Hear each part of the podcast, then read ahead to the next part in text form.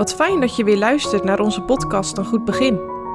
We nemen je mee door het Evangelie van Marcus en helpen je om van stap tot stap dit Evangelie te begrijpen. Vandaag met dominee Huisman. Wij lezen Marcus 16, vers 9 tot en met 18. Drie verschijningen.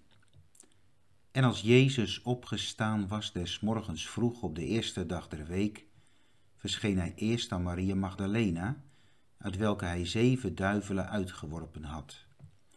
Deze heengaande boodschapte degene die met hem geweest waren, welke treurde en weende. En als deze hoorde dat hij leefde en van haar gezien was, geloofde zij het niet. En na deze is hij geopenbaard in een andere gedaante aan twee van hen daar zij wandelden en in het veld gingen. Deze ook heengaande boodschapte het de anderen, maar ze geloofden ook die niet. Daarna is hij geopenbaard aan de elven, daar zij aanzaten, en verweet hun een ongelovigheid en hardigheid der harten, omdat zij niet geloofd hadden degene die hem gezien hadden, nadat hij opgestaan was. En hij zeide tot hen, gaat heen in de gehele wereld, predikt het evangelie allen creaturen.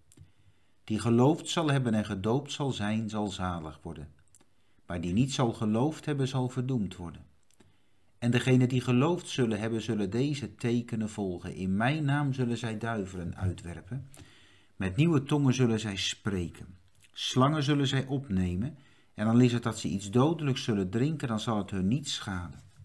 Op kranken zullen zij de handen leggen en zij zullen gezond worden. Marcus beschrijft ons drie verschijningen op de opstandingsdag.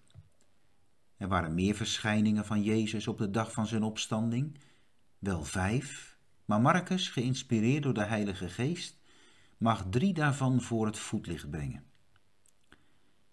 En als eerste de verschijning aan Maria Magdalena, daarna aan de Emmausgangers, zoals hij dat beschrijft als twee van hen daar zij wandelden en in het veld gingen, de derde aan de elf discipelen. Maar let eens op hoe Jezus verschijnt, wat hij doet en wat hij zegt. Ook met de kennis die we hebben uit de andere evangeliebeschrijvingen blijkt zo wonderlijk dat Jezus precies weet wat een ieder nodig heeft bij wie hij verschijnt.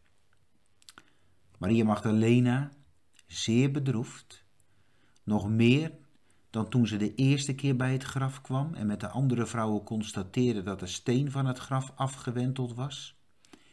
En Maria Magdalene in haast rende naar Jeruzalem om Petrus en Johannes te informeren, waarna ze samen met hen terugkeerden om het graf te zien. En toen in het graf gingen, maar vaststelden dat het graf leeg was. Eerst was Maria Magdalene bedroefd omdat ze de Heer niet meer levend bij zich had.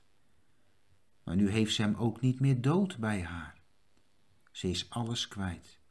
Zelfs de vraag van de engelen kan haar niet helpen. Maria heeft nog liever het dode lichaam van Jezus dan deze twee hemelboden.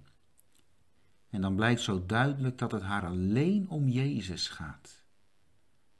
Maar Jezus kent Maria, haar nood en haar strijd. En alleen Hij kan haar daarvan bevrijden. En dat gaat Hij ook doen slechts door één woord, namelijk door haar naam te noemen, Maria. En daar lag alles in voor Maria, want ze kent zijn stem. Nu mag zij weten dat hij uit de dood is opgestaan. Zij had nodig om bij haar naam geroepen te worden. Bij de twee die in het veld wandelden, de Emmausgangers, gaat het weer heel anders. Bij hen was het donker in het hart en als ze dan terugzagen op de afgelopen dagen en alles wat er gebeurd was, begrepen ze er helemaal niets van. Jezus aan het kruis gestorven, dat hadden ze nooit kunnen denken.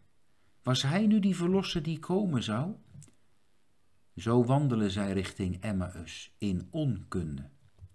En wat is bij onkunde nodig? Onderwijs. En dan voegt Jezus zich bij hen.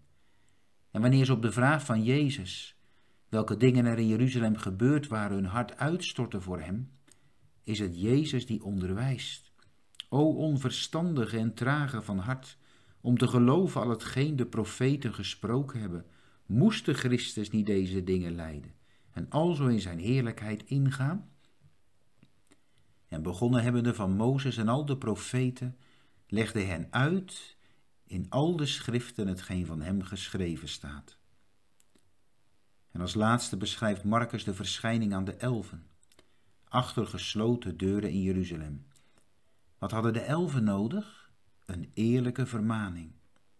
Hadden zij niet drie jaar met Jezus gewandeld? Hadden zij niet drie jaar onderwijs ontvangen van hem, ook wat de noodzaak van zijn lijden en sterven betrof? Daarvan was bij Maria Magdalena en de twee die in het veld gingen niet op dezelfde wijze sprake van geweest. Aan hen was Jezus verschenen.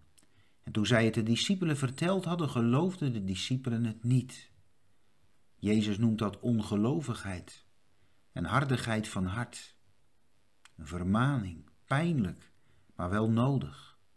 Maar het is gelukkig niet alleen bij die vermaning gebleven. Jezus heeft ook zijn doorboorde handen en doorstoken zijde aan de discipelen laten zien, om te bewijzen dat hij echt is opgestaan. Als we zo terugzien op de drie verschijningen, dan is er eigenlijk één zaak die bij alle drie terugkomt.